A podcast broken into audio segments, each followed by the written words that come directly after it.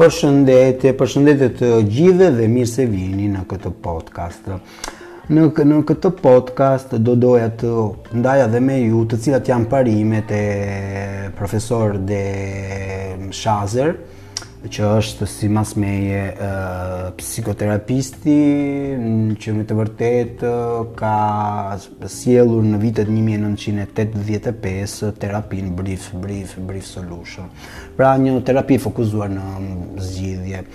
Parimet e de Shazerit janë mm, në një fjalë me disa fjalë kyçe janë këto. E para që nëse diçka nuk është e thyer mos e rregullo Çfarë don të na tregojë ai me këtë lloj parimi? Është që në që nëse diçka po nuk është domethënë e, e prishur, mos e rregullo, pra mos mos ndërhy.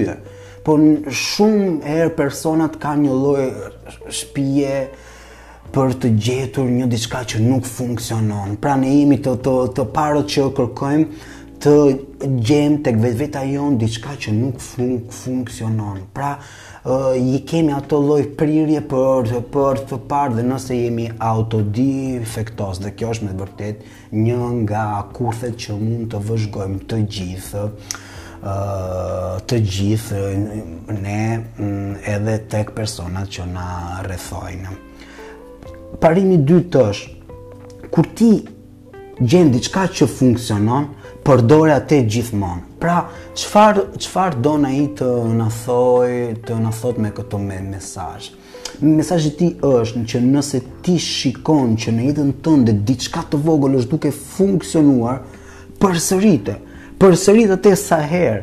E zëmë se jam duke parë që uh, funksionon që unë uh, të funksionon për por shumë mirë që menaxhimi me fjalë i ditës time edhe kohës time mund të shkojë aq aq më mirë kur unë e programoj atë. Pra, dhe nëse unë kuptoj që pro, programimi i kohës më lejon të menaxhoj më mirë uh, ditën, atëherë unë këtë nuk duhet të bëj gjë tjetër veç ta përmirësoj.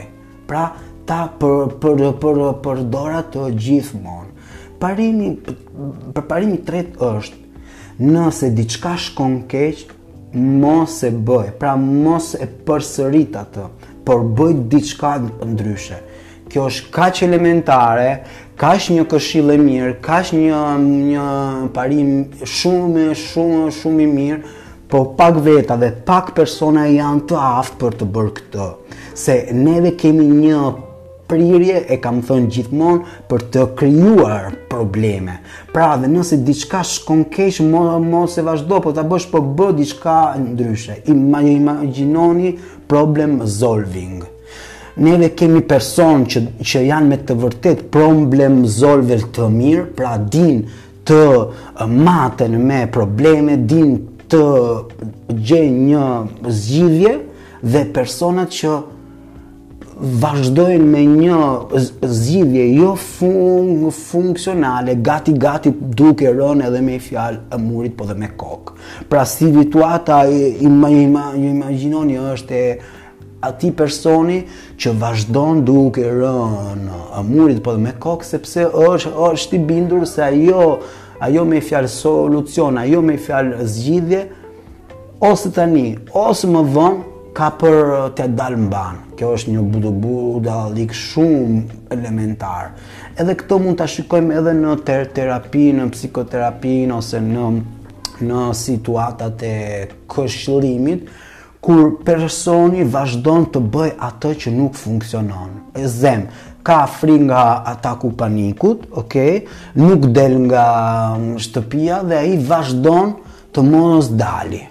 Pra ai duke vazhduar të mos dali, ataku i panikut rritet, rritet, rritet, rritet. Hapa të vegjël çojnë gjithmonë në ndryshime të mëdha. Çfarë do të na tregojë De Shazeri këtu? Do të thotë që për për të pasur një ndryshim emocional kognitiv tek vetvetja ose tek institucioni për të cilin punojmë duhet të të bëjmë gjithmonë hapa të vockla pra të veg të vegjël çdo hap i hap i vogël na çon gjithmonë në ndryshime të mëdha parimi tjetër është që Sigurisht, zgjidhja nuk është e lidhur domosdoshmërisht me problemin. Këtu heqim të gjithë psikanalizën e ulim tek plehrat. Kjo do të thotë që Jo, nuk është e vërtetë që duke gjetur shkakun neve kemi zgjidhur edhe pro, problemin. Ndonjëherë zgjidhja na çon vetë tek shkaku. Pra duke kuptuar zgjidhjen që si kemi arritur për të zgjidhur një problematikë, ne mund mund të gjejmë edhe shkakun. Ok? Po ne jemi akoma të gjithë të sapo bindur sepse vijmë nga ajo histori e psikoanalizës që Problemet janë si sigurisht janë kanë një rrënjë në kujtime traumatike, në të kaluarën etj etj etj. Po nuk është gjithmonë kështu.